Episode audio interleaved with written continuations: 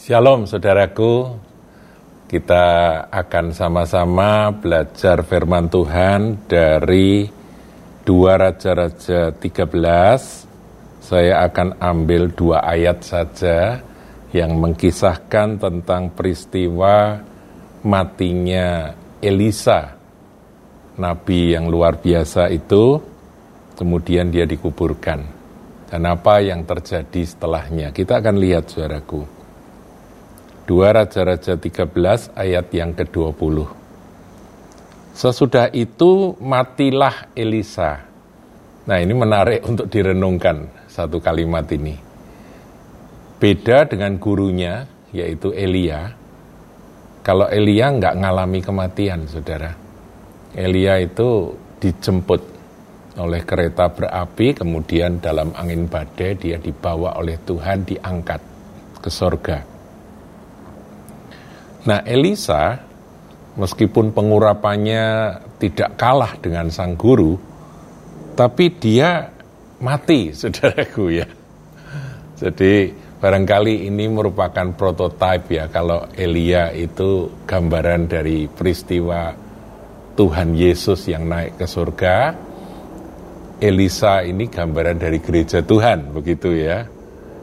Nah, gereja Tuhan ini mengalami kematian demi kematian, saudara, karena waktu selesai, mati. Tugas selesai, mati, ya. Jadi hamba-hamba Tuhan, rasul-rasul yang hebat-hebat, orang-orang besar yang dipakai Tuhan luar biasa sepanjang sejarah, mati. Tapi mati di dalam iman, mati di dalam uh, pengharapan bahwa suatu saat nanti ketika Tuhan Yesus datang kembali, kita akan dibangkitkan dan kita akan naik ke surga. Ya saudaraku, dalam dua ayat ya, yang tadi kita sudah baca kalimat pertamanya, yaitu ayat 20 dan 21, ada kisah yang memberi pada kita sebuah inspirasi. Sesudah itu matilah Elisa, dan matinya Elisa itu karena sakit, saudara jadi kalau ada seorang hamba Tuhan yang mengajarkan bahwa orang yang diurapi itu nggak bisa sakit, itu salah, saudara. Orang-orang diurapi bisa sakit, bisa mati. Memang ada yang tidak pakai sakit ya, seperti Smith Wigglesworth itu diceritakan di usia yang sudah sangat lanjut, 86 atau 87 begitu. Dia waktunya pulang ke surga ya dia tiba-tiba meninggal dunia gitu aja ya ya jantungnya berhenti berdetak. Nah, itu ada yang seperti itu. Nah, kalau kita boleh milih ya kita milih begitu, kita boleh minta pada Tuhan, kita minta cara pulang ke surga yang seperti itu. Tetapi Alkitab mencatat bahwa orang sekaliber Elisa itu sakit, saudara. Coba kita lihat ya ayat sebelumnya. Ayat 14 ketika Elisa menderita sakit yang menyebabkan kematiannya. Nah, ini mendahului akan apa yang tadi kita baca. Ini ayat 14. Jadi Elisa ini di hari tuanya dia sakit, saudara. Dan ilmu kedokteran pada waktu itu tentunya tidak sebagus sekarang. Sehingga ya dia pasti menderita dengan sakitnya itu. Jadi kalau orang diurapi, orang hebat orang orang yang uh, dipakai Tuhan luar biasa itu bisa sakit, saudara ya. Sebelum mm, Reinhard Bonke dipanggil Tuhan, saya kaget karena saya melihat di YouTube-nya beliau, saya lihat juga di Facebook-nya beliau ya dia kasih kasih firman singkat-singkat begitu, jadi tetap aktif. Rambutnya gundul secara rupa-rupanya dia terkena CA dan dia harus di kemoterapi dan akhirnya dia juga dipanggil Tuhan. Melalui sakit saudaraku. Jadi orang-orang hebat itu bisa sakit. Kita boleh minta pada Tuhan kalau boleh Tuhan aku pulang nggak usah pakai sakit nah itu permohonan kita tapi kalau memang sampai kena sakit sudah nggak usah kaget, nggak usah heran, gitu ya. orang suci, orang hebat, orang-orang benar itu bisa sakit, saudara. Nah, saya kembali ke ayat 20. Tadi dikatakan sesudah itu matilah Elisa. Lalu ia dikuburkan. Nah, kuburan zaman itu, saudaraku, itu orang yang meninggal, ya ini adatnya orang Yahudi, orang Israel, itu dikafani, dibungkus kafan, kemudian diletakkan di kubur. Kuburnya merupakan gua-gua atau tempat-tempat yang uh, lubang-lubang di di gunung batu begitu ya, di, diletakkan begitu. Nah, kemudian dikatakan ada pun gerombolan Moab.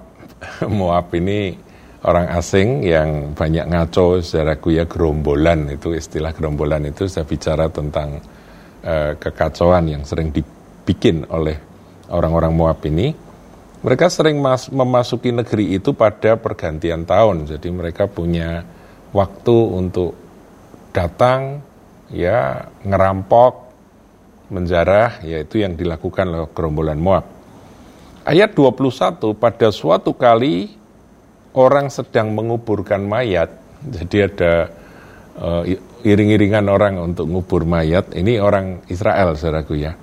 Ketika mereka melihat gerombolan datang, ketakutanlah mereka. Kemudian dicampakkan merekalah mayat itu ke dalam kubur Elia, Elisa. Jadi lihat ada lubang kubur, mereka nggak tahu itu kuburnya siapa karena ketakutan pada gerombolan Moab itu dilemparkan begitu saja mayat ini. Jadi tidak diletakkan dengan baik-baik tapi dicampakkan begitu ya. Lalu pergi, mereka lari semua ya, saudara menyelamatkan diri dari gerombolan Moab itu. Nah, kalimat berikutnya menarik, saudaraku. Dan demi mayat itu kena kepada tulang-tulang Elisa, maka hiduplah ia kembali dan bangun berdiri. Jadi mayat itu nempel tulang Elisa, kemudian dia hidup kembali, dan kemudian dia berdiri. Ceritanya nggak dilanjutkan. Gerombolan Moab mungkin kocar kacir ketakutan sejarahku karena ada mayat hidup ya. Dan ceritanya ini nggak nggak dilanjutkan bagaimana dengan si mayat yang hidup karena tulang Elisa itu nempel tulang Elisa, nyentuh tulang Elisa, kemudian hidup, kemudian tidak diceritakan dia pulang ke kampungnya, kemudian ceritanya seperti apa, tidak diceritakan. Tapi ini kisah nyata, saudara. Peristiwa yang benar-benar terjadi sehingga dicatat di dalam kitab suci. Nah pesan apa yang kita bisa petik dari cerita ini? Tadi kita sudah belajar ya, bahwa Elisa orang hebat, Elisa orang diurapi, Elisa orang orangnya Tuhan, hambanya Tuhan, abdi Allah, bisa sakit dan mati.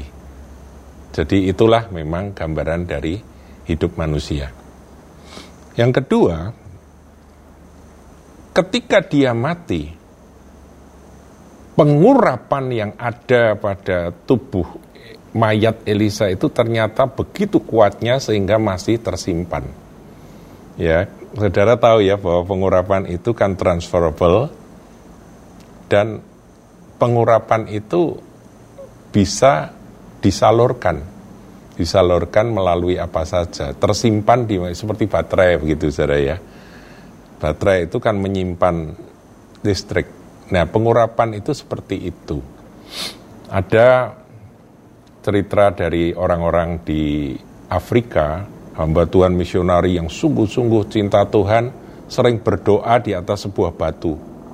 Nah, batu yang dipakai untuk berdoa itu, karena dia diurapi Tuhan pada waktu dia berdoa, ternyata batu itu mengandung urapan, saudaraku ya, seperti itu baterai itu, sehingga orang yang doa di situ merasakan pengurapan Tuhan. Ya, tetapi kita harus fahami kebenarannya, bukan batunya, bukan apa tulang tulangnya, tulang Elisanya yang yang hebat, tetapi pengurapan dari Roh Kudus itulah yang bikin mujizat, saudara. Kalau pengurapannya sudah selesai melakukan mujizat, ya hilang, saudara. Tulangnya Elisa itu berubah menjadi uh, tulang biasa. Tidak ada apa-apanya.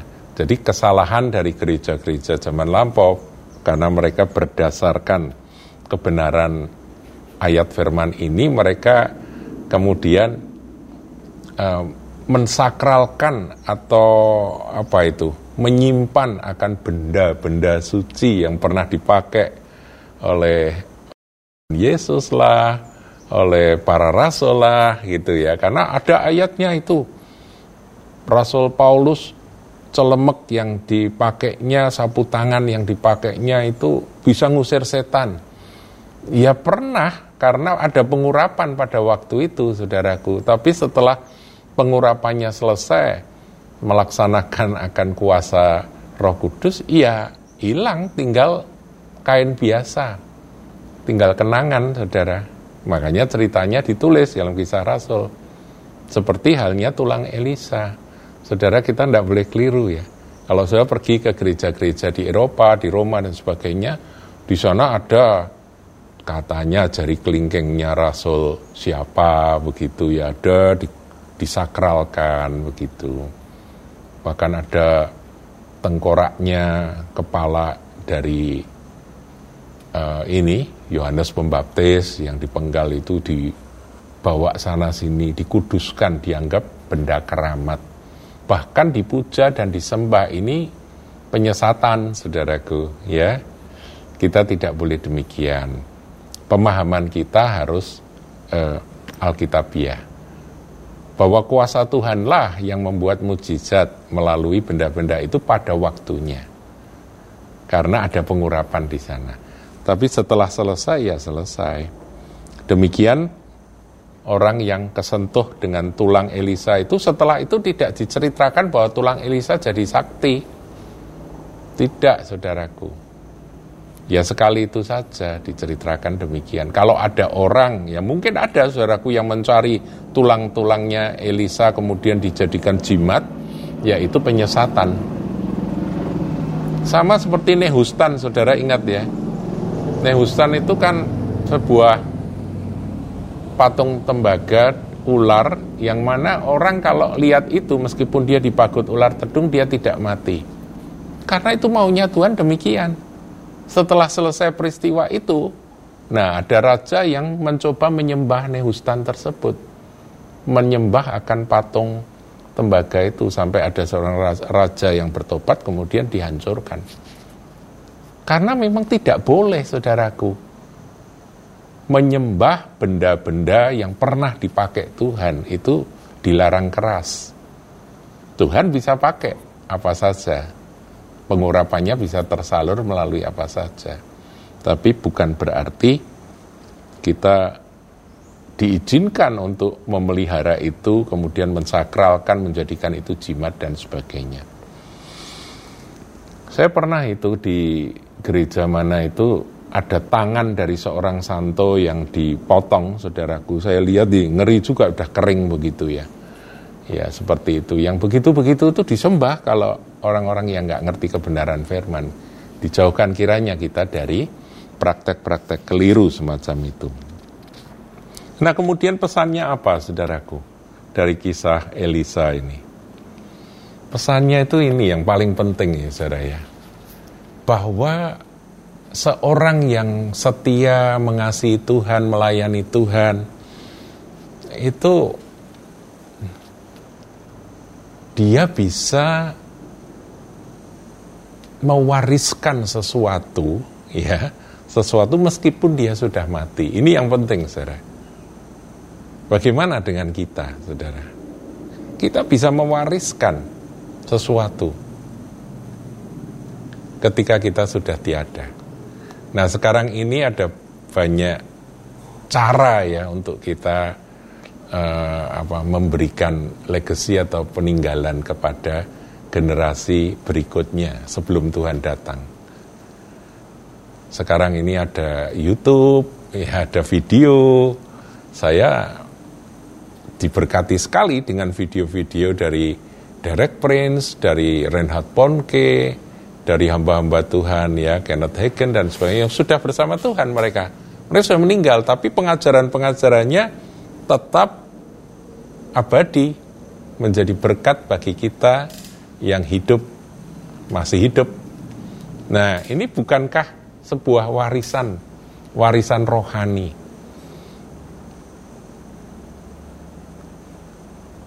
Watchmeni, saudaraku, itu hamba Tuhan luar biasa dari Tiongkok, saudara. Dia sudah sudah dipanggil Tuhan, ya tahun berapa 70-an itu, saudara ya. Dia dipanggil Tuhan di penjara, saudaraku ya, penjara komunis waktu itu. Tapi buku-buku yang ditulis oleh Watchmeni ini menjadi berkat yang luar biasa bagi gereja-gereja Tuhan hari-hari ini. Bagi saya pribadi, saya sebut bahwa Watchmeni itu guru besar saya, saudaraku. Karena dari buku-bukunya saya mendapatkan pencerahan dari firman Tuhan ini. Dia menyingkapkan kebenaran firman dengan begitu jelas melalui apa yang dia tulis. Nah ini sama dengan tulang Elisa itu. Elisanya sudah mati, sudah jadi tulang, tapi warisannya itu masih bisa menghidupkan orang mati. Nah, saya benar-benar saudaraku menerima akan uh, jamahan Roh Kudus melalui pengajaran-pengajaran yang saya baca dan pelajari dari bukunya Watchmeni, saudara. Itu buku The Spiritual Man, yaitu ada tiga, tiga jilid, itu luar biasa sekali. Manusia rohani, saudaraku ya. Kemudian uh, buku uh, releasing the spirit itu remuknya insan terlepasnya roh itu luar biasa itu warisan belum lagi yang lain-lain saudara kalau saya baca bukunya uh, siapa itu Reinhard Ponke saudara wah ini orang hebat ini ya orang luar biasa nih pasti di surga dia menerima kan kemuliaan yang luar biasa nih ya, hamba Tuhan satu ini bukunya yang itu penginjilan dengan api. Wah itu kalau saudara membaca, saudara jadi terbakar beneran. Hanya membaca bukunya, roh saudara jadi menyala. Karena memang itu warisan. Jadi seperti Elisa sudah mati, tulangnya itu masih bisa menghidupkan. Ini ini pesan firman Tuhan, saudaraku. Dari kisah Elisa tadi. Nah bagaimana dengan kita? Pada suatu saat kita pasti juga akan pulang ke surga. Kalau Tuhan belum datang, saudara, kecuali Tuhan datang kita akan diubahkan ya, dan kita akan diangkat. Tapi kalau kita misalnya selesai dengan tugas di bumi ini, apa warisan kita? Berapa tahun yang lalu saya menerima akan suara Tuhan. Tema, aku berhutang. Itu terus terngiang saudara. Kemudian kita tulis ya di gereja itu ya aku berhutang gitu ya. Itu benar saudara. Kita ini utang utang warisan kepada generasi berikut apa yang kita bisa berikan jadi saudaraku mari kita didik anak-anak kita generasi berikut ini dengan nilai-nilai dengan apa yang kita bisa wariskan pada mereka. Bahkan kalau perlu saudara beri catatan-catatan nasihat, tuliskan itu. Kalau saudara punya bakat nulis buku, tulislah buku. Saudara berbakat untuk mengajar, ajarkan itu. Sekarang rekam di, di, di YouTube atau di mana, saudara bisa lakukan itu. Biar itu menjadi warisan kalau kita sudah tiada dan nanti kita akan ketemu di sorga dan kita puas karena kita sudah membayar akan seluruh hutang-hutang kita. Tuhan Yesus memberkati.